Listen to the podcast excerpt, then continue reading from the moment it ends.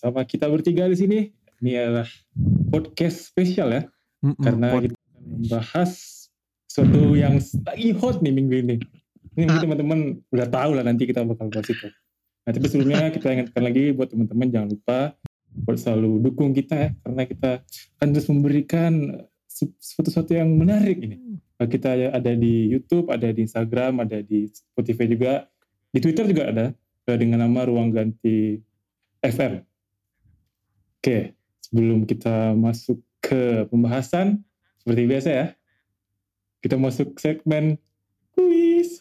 Kuis, kuis, kuis. Oke, Oke. nah ini dia nih udah lama nih aku nggak memandu ya anjay. MC magang. Oke, ini pemain ini eh dari gampang dulu mungkin ya.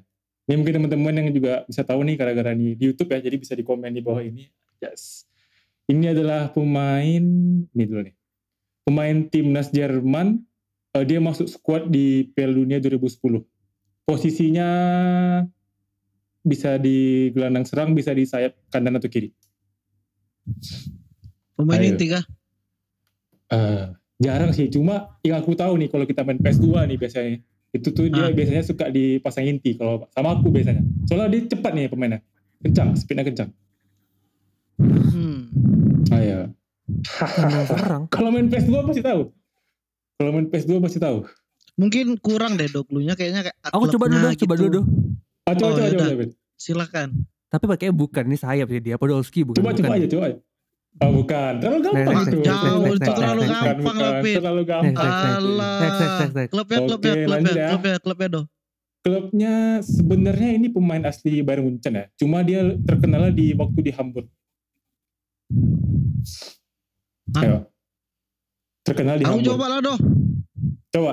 Boleh. Marcel Jensen. Salah. Tetap. Ada Pin, ada ini Pin. Yang coba Pin. Hamburg. Aduh ini sebenarnya Lupa pemain kayaknya. terkenal ini. Pemain Hamburg. Dia berposisi Ini lah, sebagai ini gelandang aku tambah clue-nya. Bisa ke sayap. Nama dia nih bener-bener nama, bukan nama Jerman. Bukan nama Jerman sama sekali. Ah, ini orang Jerman. Yo, Posisi aslinya emang gelandang serang dok. kalau aku lihat sih gelandang serang ya. Di Wikipedia. Gak tahu, gak tahu.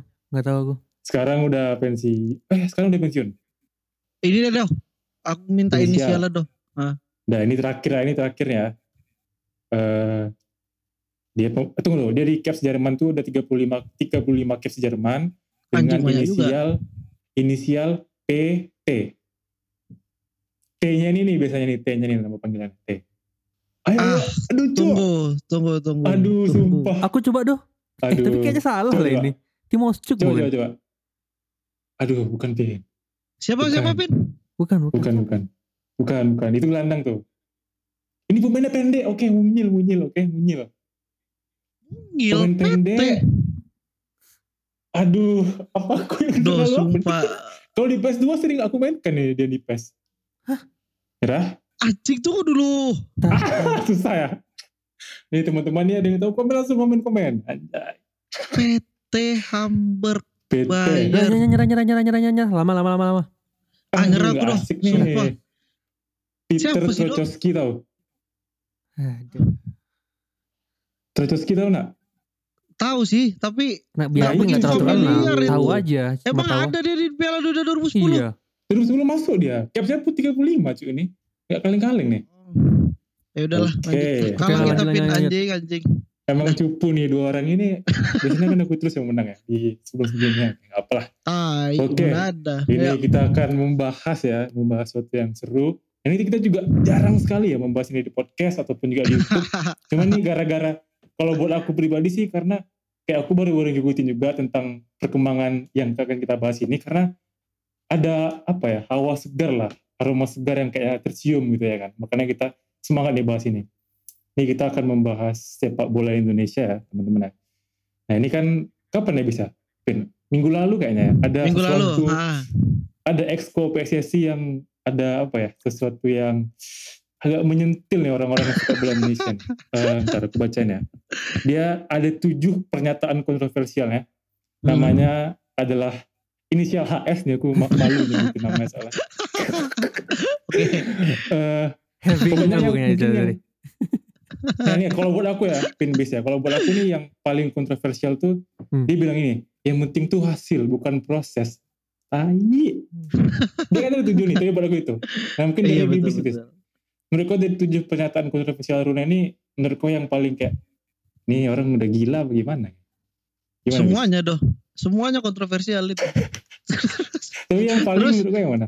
Secara nggak secara nggak langsung dia itu nunjukin bahwasannya dia emang seorang exco yang nggak ngerti bola sama sekali gitu loh. Nah karena statement-statement yang dia keluarkan itu Hmm. apa ya kayak statement orang yang bukan sepatutnya eh, bukan sepatutnya duduk di exco Hmm. PSSI gitu loh. Karena Hmm. eh, kita lihat aja dari statement yang pertama nih dari apa namanya dia bilang Sandy Walsh main di Liga Anta Beranta dia aduh kayak ya. iya makanya itu aku udah no comment lah gitu kan itu juga Liga 1 mungkin kan dia. apa Liga 1 Belgia kan ya? Liga 1 Belgia dia Oh iya. terus Eh kemudian juga dia bilang pemain-pemain di timnas itu dididik Sintayong untuk bermain long pass. Dan juga sementara itu Hmm. tidak cocok dengan Contoh permainan di liga. apa makanya di liga yang bermain dengan backup dari eh, be- back apa namanya build up dari belakang ke depan. Yang di mana Long itu kan pass, sangat kebalik kan do makanya Balik Terus, kali tuh. eh kalau menurut aku sih aku nggak bisa banyak komen juga sih do tapi ini nunjukin bahwasannya kebodohannya dia itu justru dia buka sendiri dan itu ngeliatin bahwasannya orang ini memang nggak pantas untuk ada di exco PSSI gitu loh itu sih tapi kalau yang kontroversial ya semuanya kontroversial dan semuanya juga apalagi dia bilang proses masalah apa namanya nggak kita nggak butuh proses kita cuman butuh hasil gitu loh itu kan Nah itu yang paling anjing. Hah. Ya udahlah. Nah, itu itu kalau kalau menurut aku sih ah udah parah kacau lah do pokoknya. Dan ya mungkin kalau untuk aku di awal ini itu aja sih. Nggak tahu deh kalau Revin gimana nih. Gimana Ben? Ya, nanggepin bapak ya pasti sama ini. aja lah persepsi kita. Orang buat orang yang normal yang ngerti bola, yang ngerti peka- yang orang yang normal gak perlu ngerti bola kali lah. Orang yang paham Iya, aja lah bola seperti apa. Hmm. itu harusnya ya bilang ini ini nggak benar di statementnya. Karena ya kalau aku ngelihatnya ini apa ya ya ya kita cuma memper, menunjukkan kalau sistem selama ini kita emang nggak- udah nggak benar gitu loh. gimana Benar. berharap, gimana berharap lebih kan orang yang ada di top manajemen liga timnas aja kayak gitu gimana mau benar gimana mau genah gitu kan Hmm. pelaksanaannya jadi ya ini cuma apa ya bukan hal yang mengagetkan cuma cuma menunjukkan selama ini seperti apa sebenarnya orang di belakang orang di belakang belakang ini kan Sebenarnya udah banyak kayak gini Mm-mm. pengatur kayak. iya betul betul betul cuma kebetulan aja dikasih panggung nih karena ketahuan jadi bobroknya kan Hmm. Bis bis tadi Ya itu, nanya bis ini kan justru dia malah ini doh Hah? justru ya emang iya justru nggak ada dikasih Hmm. panggung dia justru nunjukin kebodohannya dia sendiri dia sendiri gitu Betul ya. Hmm. gimana gimana doh Enggak, ini aku mau nanya bis. Kau kan sebagai orang yang suka apa ya, memperhatikan sepak bola Indonesia lah dari dulu kan. ah Kalau ah. misalnya aku sama Rep ini mungkin nggak terlalu memperhatikan lah. ah Buat kau nih sebenarnya si Haruna nih cuma satu-satunya orang yang kayak gini atau misalnya sebelumnya ini ada lagi bis? yang pernah ada pernyataan kontroversial kayak gini? Apa cuma Haruna? kalau yang aku tahu cuman bapak ini Haruna doh ya. ah yang spesial Hmm. Kalau yang lain itu kayak apa ya?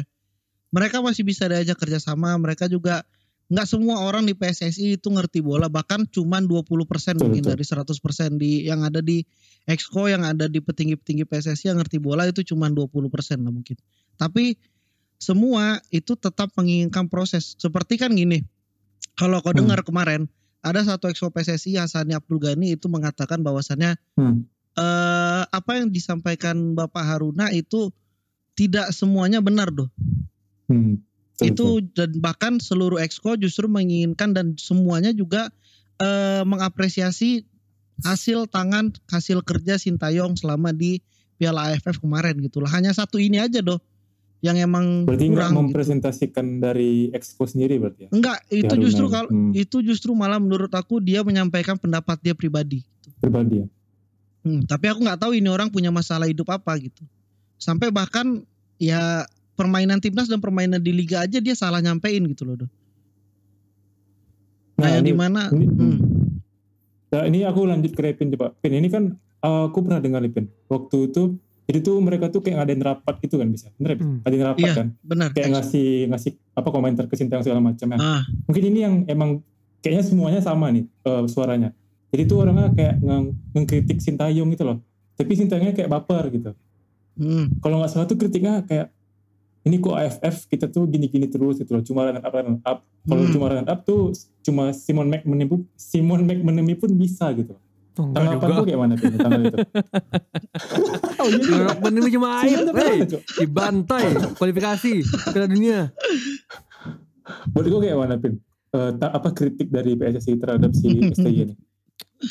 Eh kalau buat aku kritik itu sah-sah aja ya, tapi Hmm, tapi sah-sah aja kan karena karena Betul, apa ya betul. kita juga nggak bisa bilang kalau kita di tingkat AFF itu kita nggak ekspektasi juara itu ya konyol sebenarnya Hmm, pasti. tapi benar, benar. Hmm. tapi pertanyaannya adalah apakah kritik ini apa tujuannya untuk untuk apa ya untuk improve liganya juga ekosistemnya juga Hmm. maksudnya itu yang, di- yang dikritik bukan cuma head coachnya aja kan dirinya sendiri pun Betul. harusnya dikritik harusnya manajemen ini kan karena Iya. bagaimana dia punya Iya, ekosistem iya, yang, menja- yang menja- membuat pelatih ini punya sumber daya yang lebih jelas. Supaya- gini aja dong. Sintayong itu megang Hmm. tiga timnas loh.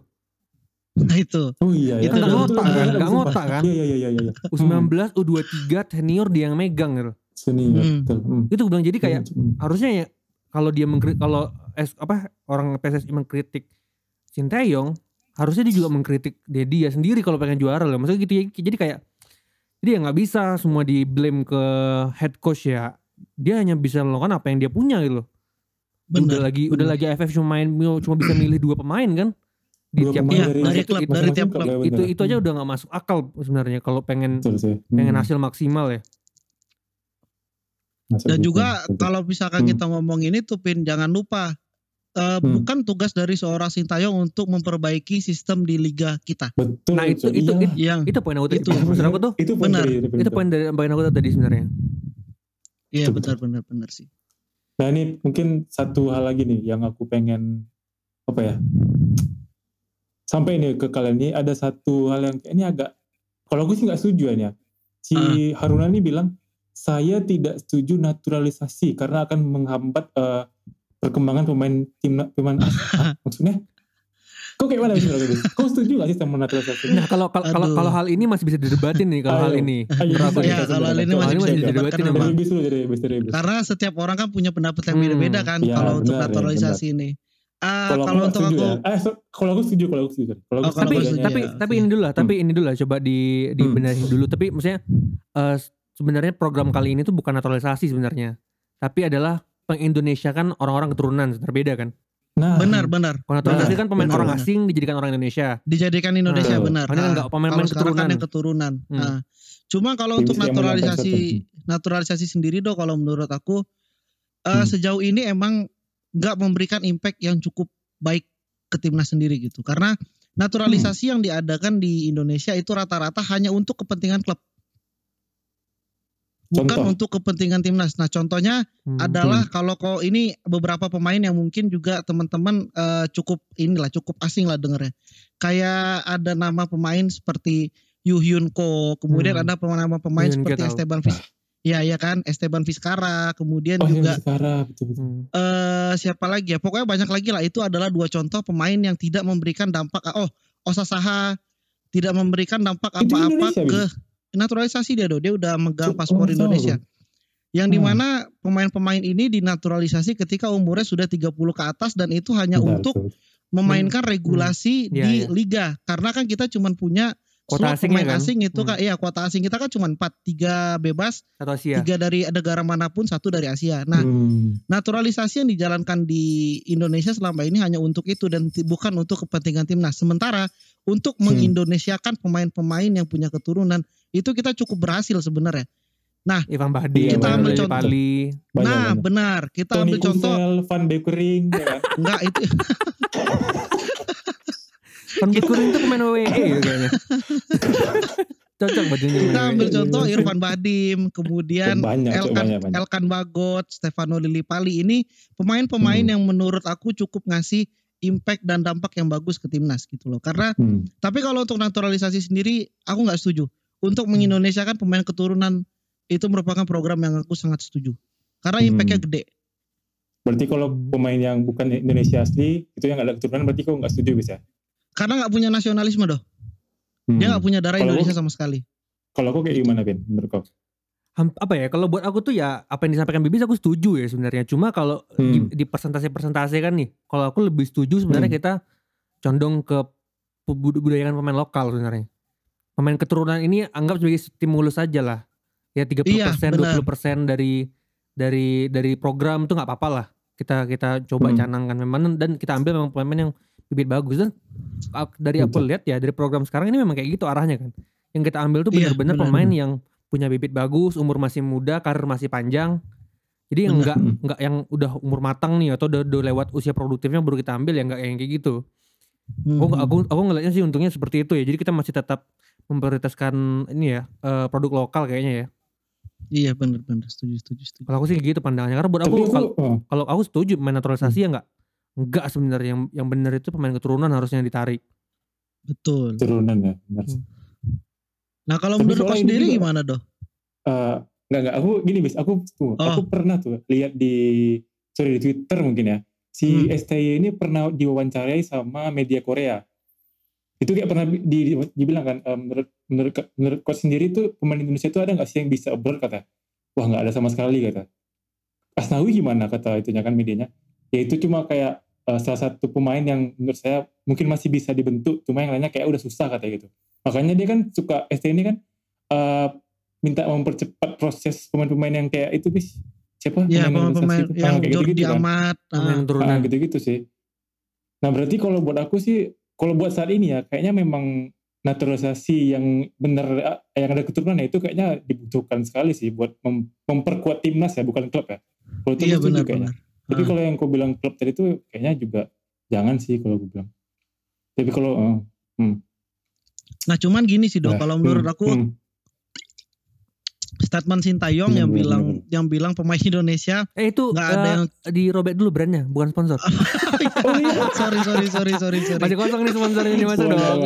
Iya iya iya. iya. Sorry sorry sorry. Hmm. Eh, set- statement Sintayong yang bilang pemain Indonesia itu nggak ada yang cocok untuk abroad itu hanya itu setahun lalu doh. Oh tahun lalu ya? Iya. Nah sebenarnya oh, iya, iya. gini, aku juga sedikit mau ngomong tentang statement Repin tadi nih. Dia bilang Hmm, pemain-pemain muda, eh justru Mhm. pemain eh, kita harus membudidayakan para pemain-pemain muda lokal. lokal, Karena lokal. tanpa kau sadar doh di AFF kemarin kita hanya memakai dua orang pemain keturunan yaitu hanya Ezra dan juga Elkan. Tidak ada nama lain. keturunan ya. Jadi kita hanya memakai dua pemain keturunan tanpa pemain naturalisasi satu pun. Bahkan pemain-pemain seperti final. Stefano Lillipali, Ilyas Pasoyevic dan lain-lain itu ti- itu tidak dimanfaatkan oleh Sintayong karena Mhm. ya keren keren. eh, aku pernah kan kita pernah bahas nih di AFF series kemarin Revin sendiri yang Hmm. bilang pemain-pemain muda dipanggil Sintayong karena pemain-pemain muda ini sangat mudah untuk dibentuk. Betul. Nah, dan itu Hmm. terbukti doh. Benar. Kok otomatis gini loh. Kok kaget gak sih ketika Sintayong eh, ngasih pemain 26 nama itu kan bahkan apa ya? Ada pemain yang belum memiliki caps di timnas senior Di dia timnas, bawa hmm. untuk Piala AFF sekarang dan bahkan jadi tulang punggung gitu loh di timnas. Hmm. Tapi hasil yang dia kasih runner up, otomatis kita harus sangat menghargai ini do. Ini adalah proses Sangat yang berprogres untuk aku. Nah ini Tapi adalah Haruna sesu- menghargai itu, bis. karena Haruna tuh anjing do, dia nggak ngerti. Dia tuh bukan- Yang penting hasil Di- coba. iya dia nggak ngerti apa-apa tuh do. Eh tapi ini tapi ini agak kontroversi. Tapi sebenarnya aku setuju loh. Misalnya hasil. Apa? Tapi kalau kita tuh udah udah kayak 10 tahun udah 10 Iya, tahun benar. maju gitu loh. Hmm. Iya. Nanti kalau Ketika- udah bagus tuh baru hasil benar. Kita bisa ngomong gitu ketika misalkan nih Sintayong udah dikasih waktu 10 tahun. Liga Nah, udah diperbaikin sistemnya. Udah bagus. Pembinaan benar, usia betul. muda juga udah bagus. Betul, nah, Kalau seperti di- itu, benar. Seperti itu kita udah nggak ada hasil. baru. Ya Bapak Haruna mau ngomong kayak gitu itu ya. silakan. Betul. Iya, Makanya. sih. Nah kalau sekarang betul betul. apa yang mau di Astagfirullahalazim ya Allah. Merangkak ya aja Allah. belum anjing ini. Merangkak aja Makanya. belum. Bahkan Sintayong sendiri kan bilang ini baru awal tuh. Baru awal. Ini baru awal. Itu loh. Ya Aduh. lucu sih kalau menurut aku ini orang. tapi jadi tapi jadi ini ya, apa kayak si statementnya si Haruna ini jadi kayak menyatukan orang-orang Indonesia gitu kayaknya kalau menurut aku. Iya benar Ah, benar benar. semua orang yang suka bola yang enggak yang apa ya, yang enggak terlalu suka pun jadi kayak mau kayak oh iya sih kayak Indonesia ini ada ada peluang nih buat jadi maju gitu loh. Iya emang bener. Cuma ya emang betul sih emang. Hmm, hmm. Aku pun juga jadi ini. Oke lah. Tapi ini aku mau bahas dikit nih, Pak. Eh, ini kan tanggal 27 sama tanggal 30 nih ada FIFA Match Day ya bisa. Hmm. FIFA Match Day kita lawan Timor Leste nih. Nah dari 27 berapa nama nih? 27 nama. Ada komentar nggak dari kalian nih? Reven dulu. Yang dipanggil STY. Sebenarnya ini kayaknya nggak terlalu beda jauh dari yang dibawa pas AFF ya. Cuma mungkin Iya, ada tambahan minus pemain luar yang buat aja. di minus pemain luar sama pemain U23 yang buat AFF U23 ya kebanyakan. Ada tanggapan Bin buat kau? Kalau masalah ini nih, yang Bibis nih, mungkin gitu. lebih paham, Bibis yang lebih paham lah sini. Penonton liga lokal. Eh, gimana ya? aku dulu Aku, bis, aku dulu bis. Bis kau pasti Oh, iya. panjang bis. Aku dulu, silakan, dulu. silakan, silakan. Ada satu, ada satu nama yang menurut aku nih harusnya dipanggil bis buat aku. Siapa tuh? Dimas Derajat bis kalau buat aku. Setuju. Iya, iya kan? Bener, Soalnya aku bener. ikut, baru ngikutin kali ini kan. Dia ini Ah, top skor bener. ternyata. Top skor maksudnya Iya. pemain Indonesia skor di lokal. Ah, Iya, top skor lokal betul. top skor lokal. 7 gol dan Benar, 3 benar. assist buat Persikabo musim ini. Iya, Bahaya benar, sih benar, sebenarnya benar. Harusnya Nah, harusnya dia dipanggil sih, benar-benar. Nah, selain Dimas Derajat do, aku kalau untuk Hmm. 27 pemain yang dipanggil itu aku cukup tertarik untuk melihat bagaimana kiprah dua pemain muda ini do, yaitu Marcelino Ferdinand dan juga Ronaldo Kuate. Nah. Marcelino Ferdinand ini kan masuk di 60 da eh 60 apa 100 ya Iya, deh? 100 cok, wonderkid dunia kan? Iya, 100 100 wonderkid Iya, ya. wonderkid dunia. 100 wonderkid dunia versi The Dunia. Guardian. ah, di Dan juga performa yang dia punya di liga itu sangat-sangat ya. bagus, bagus ya. Iya. Iya cok, aku ngikutin tuh. Usia pemain ini baru 17 tahun, 17. tapi dia udah jadi pemain inti di Persebaya yang di mana Persebaya juga dihuni oleh pemain-pemain bintang gitu loh. Nah, permainan dia juga kelihatan konsisten doh. Nah, menarik nih untuk melihat gimana kiprah dia sama timnas senior di situ. Karena ini pemain sebenarnya punya visi, terus punya yang namanya kecepatan dan juga ya, satu hal yang mesti kau tahu ini pemain punya insting gol. Seorang gelandang yang punya insting gol. Dia tuh golnya sekarang udah 4 atau serang, 5 Mas, ya? gitu. Iya, gelandang serang. Hmm. Nah, Ini cukup menarik sih untuk dinantikan gimana kiprahnya di timnas. Terus satu lagi mungkin Ronaldo Kuate. Ronaldo Kuate kok pernah lihat dia nonton gak sih doh? Eh main gak sih? aku nggak pernah lihat dia main, cuma aku tahu ini pemain tuh sempat dibawa STI juga kan, kayak di U19. Iya, segala ha, di U19 macam. Nah, dia aku pernah tahu itu, dibawa. itu aja sih. Iya, tapi Striker murni sebenarnya striker murni. Ronaldo Kuate Striker murni ya? striker Hmm. murni. Tapi kalau untuk Ronaldo ini dia di klub kurang dikasih kesempatan, mungkin ya Sintayong harus membentuk dia dari awal lagi sih. Tapi ini pemain punya potensi, punya tinggi yang cukup untuk seorang striker dan insting gol yang lumayan karena dia di EPA kemarin Elite Pro Academy itu dia jadi top skor dengan skor berapa gitu aku lupa. Nah itu ini sih paling. ada lagi nih pertanyaan buat kalian Hmm. berdua nih.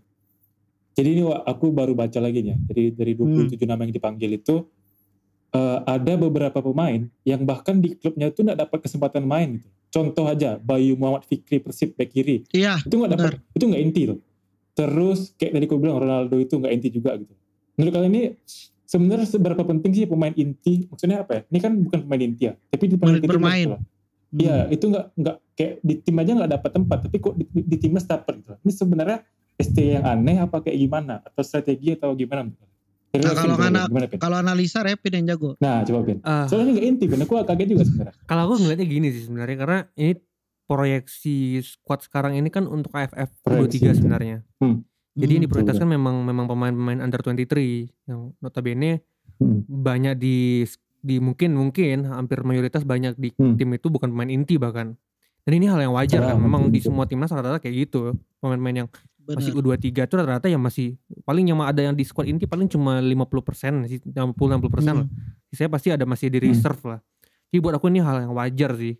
Karena ter- Oke. terlebih Hmm. kalau seandainya dia ada di posisi-posisi yang otomatis isinya pemain asing ya, kayak back, Iya benar. striker, nah itu kan Striker. kan. Ah. betul. Jadi jadi buat Hmm. aku tuh hal yang sangat wajar sih.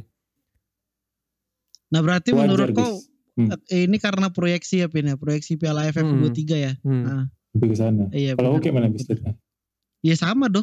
Kalau untuk Sama, itu proyeksi juga. iya karena ini timnas bukan bukan untuk senior, bukan untuk apa sih.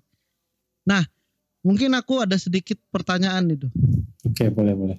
untuk kalian berdua nih. Empat Hmm. pemain yang akan dinaturalisasi oleh timnas. Anjir. Hmm. Siapa aja coba aku gak tahu sumpah. Jordi Amat, Sandy. Walsh, kemudian Mes Hilgers, satu lagi. Ragnar Oratmangun. Waduh. Dari keempat pemain ini menurut kau siapa yang kau tahu dan juga siapa yang menurut kau eh, harus dipercepat prosesnya? Karena kita butuh. Sorry butuh. ya, iya. Sorry, sorry nih. Aku cuma tahu Hmm. dua nama di awal aja bisa. Oh, cuma tahu sama di awal. sorry ya. Oke Iya oke kan? oke oke. Soalnya. Jordi Amat udah pasti. Ini pemain di Swansea Ah, udah tahu. Iya. Back kan. Hmm. Terus Sandy Hmm. Walsh ini sempat rame juga tuh kayak tahun lalu apa kapan. Jordi Amat ini ini kan masuk squadnya season wondernya Swansea kan dia? Iya masuk Iya, masuk. Micu, Ah, micu kan. masuk. Micu, micu kan. Angkatan Micu. Iya zamannya Micu bener. Sorry, bicu. Aku cuma tahu dua itu aja. Iya nggak masalah nggak masalah nggak masalah. Tapi menurut aku tuh buat Jordi Amat mungkin ah enggak ya buat aku kayak nggak terlalu bukan nggak bukan nggak penting tapi maksudnya back tengah kita lah bagus-bagus juga gitu loh semua mungkin Hmm. di naturalisasi buat nambah mental mungkin atau apa tapi yang Hmm. perlu kayak Sandy Walsh ya Hmm. karena Sandy kita Walsh ya. kekurangan back sayap soalnya yang Iya bagus benar benar benar. aku sih itu Oke dari Rapid. Apalagi aku bis, aku kurang lebih sama lebih aku mungkin cuma tahu dua itu. Sama dua itu, cuma Sandy Walsh. Dia pun ya tahu sekedar kalau Amat wajar kita udah nonton kan. Itu pernah nonton dulu. Iya. Amat main. Ini pemain Tahu. lama malam melintang di Eropa Hmm, kan. Lama, lama. emang Iya iya iya. kualitasnya udah kualitas Eropa lah beda built in lah itu Iya mah. Ya cuman kalau menurut aku juga emang yang paling dibutuhkan dari Jordi Amat itu justru bukan permainannya deh. Kita butuh pengalaman dia sih Hmm. pengalaman untuk mendongkrak 29, 29 atau 30. Nah, anjing 29 deh sekarang. oh kira udah tua cok Enggak enggak cuma- masih 29. berarti di Swansea dia masih 20-an umurnya Hmm, iya ya. Ya. Tapi masih 24, 23 Masih muda mungkin berarti. pas main di Swansea ya. Nah Hmm. paling eh, kalau menurut aku juga dari empat pemain ini ya dua pemain itu sih yang sepatutnya didatangkan dengan cepat. Karena Oke, kita butuh kita butuh mereka untuk kualifikasi Piala Asia doh. Piala Asia kita masih bisa bis aku nggak tahu Masih Piala Asia Masih. 2023 Oh, iya, lama Oh, iya, kan, Piala Asia. Iya, 2024. kan baru mulai. Piala Dunia lupa, kita nggak bisa. Mohon maaf Haruna. Sorry Haruna. Oke ini mungkin terakhir nih ya, terakhir buat Hmm. kalian berdua nih. Ini kan tadi yang seperti yang udah aku bilang, ini bakalan ada FIFA Match Day. Ini kan maksudnya rankingnya bakalan naik ya kalau menang dua-duanya. Hmm. Terus juga bakalan yang dekat aja lah, AFF. Jadi kalian berdua nih harapan kalian buat di FIFA Match Day sama AFF ini seperti apa nih? Apakah sama kayak Haruna? Atau proses dulu gitu, gimana nih? Eh, Gimana? FIFA Match Day FIFA Match Mungkin Day, karena-. Ya karena cuma Timor Leste, Timor Leste. aku nggak ber, aku nggak berekspektasi tinggi. Ya ekspektasi aku sih cuman ini sih, do cuman aku nggak nggak perlu ngelihat hasil yang menang gede atau gimana. Aku Hmm. pengen ngeliat kayak proses mereka, ya, mer- iya. Hmm. mereka ketika ngadapin Timor Leste mainnya lebih pede nggak untuk megang bola, Hmm. lebih pede nggak untuk melakukan tusukan-tusukan segala macam. Itu sih yang pengen aku Hmm. lihat bukan skor. Karena kalau ngelawan Timor Leste otomatis di atas kertas, di atas lapangan pun kita udah pasti menang. Harusnya. Hmm, harusnya. Nah, tapi kalau Kalau untuk buat AFF bis. 2022 kesempatan kita untuk juara meningkat jauh dong. Karena ini ya udah ada apa? Karena proses yang kita hadapin ini udah oke banget itu. Betul. Ditambah lagi kalau misalkan Jordi Amat, Sandy Walsh serta Ragnar Oratmangun dan juga Mesilger sudah pasti masuk itu juga akan jadi tambahan yang sangat oke. Harapan aku sih juara Dua-dua, Cok. tahun ini. Hmm. Untuk AFF U22. Iya, Cuk. Bukan Oh, kukira yang senior. Senior kan tahun ini juga. Kejauhan, kejauhan nanti. Oh iya, sorry sorry aja. Sorry. bulan AFF nih. U22 Berapa minggu lagi? harusnya kita juara sih. Tanggal 23 Februari mulainya. Nah, ya kan, nggak sampai sebulan lagi soalnya. Harusnya Oke. kita juara sih. Hmm. Juara. Oke, Haruna. Thank you, Haruna. Gimana, Pin? Sama ya pasti. Cuma kalau in, lo aku memperjelas statement BBC ya sebenarnya yang paling penting itu Oke. kalau kita udah Hmm. ngelawan tim kayak Timor Leste bukan Timor Leste. berapa berapa berapa kita menangnya tapi how we win the game Hmm. gitu.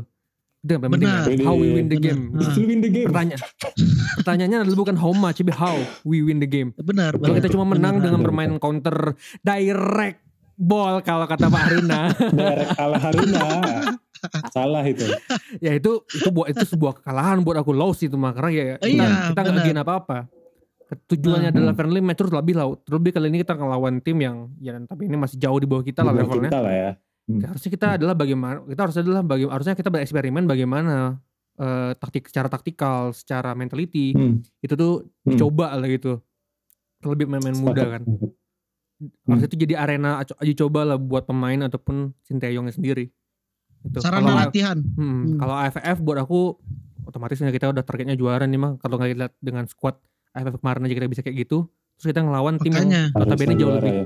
jauh lebih minim pengalaman Hijau. dibandingkan kita kan. Hmm. Oh, Tapi kita otomatis ada di eh, kan- kandidat juara berarti.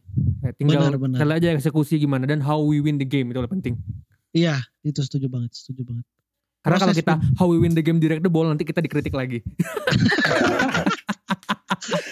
Oke. Kita harus build up dari belakang Iya. teman-teman. Ingat, build up dari belakang. Seperti pemain-pemain di Liga 1 dan tim-tim di Liga 1 semua bermain build up dari belakang rapi. Ayo Pak Aruna Tidak nonton pernah- Pak tidak- Aruna nonton. Tidak pernah menendang bola ke kerumunan. Oke. Sekian ya Mungkin teman-teman dari kita Mungkin ini. pendap- Karena kita ini pendapat kayak kau udah dulu nih, Do. Ah, Oh enggak, sama aja udah. sama aja bis. Oh sama aja ya. Tapi aku ini sih Timur Leste harus menang. Timur Leste harus menang Harus ya. menang. Harus menang. Harus menang. harus menang. Harus menang. Oke. Sekian dari kita ya teman-teman ini karena udah kayak terlalu seru ya. Jadi udah 30 Hmm. menit juga. Terima Iya, kasih udah makanya. menonton. Jangan lupa subscribe juga. Jangan lupa dukung kita semua di lini masa kita. Sampai jumpa di next episode. See you.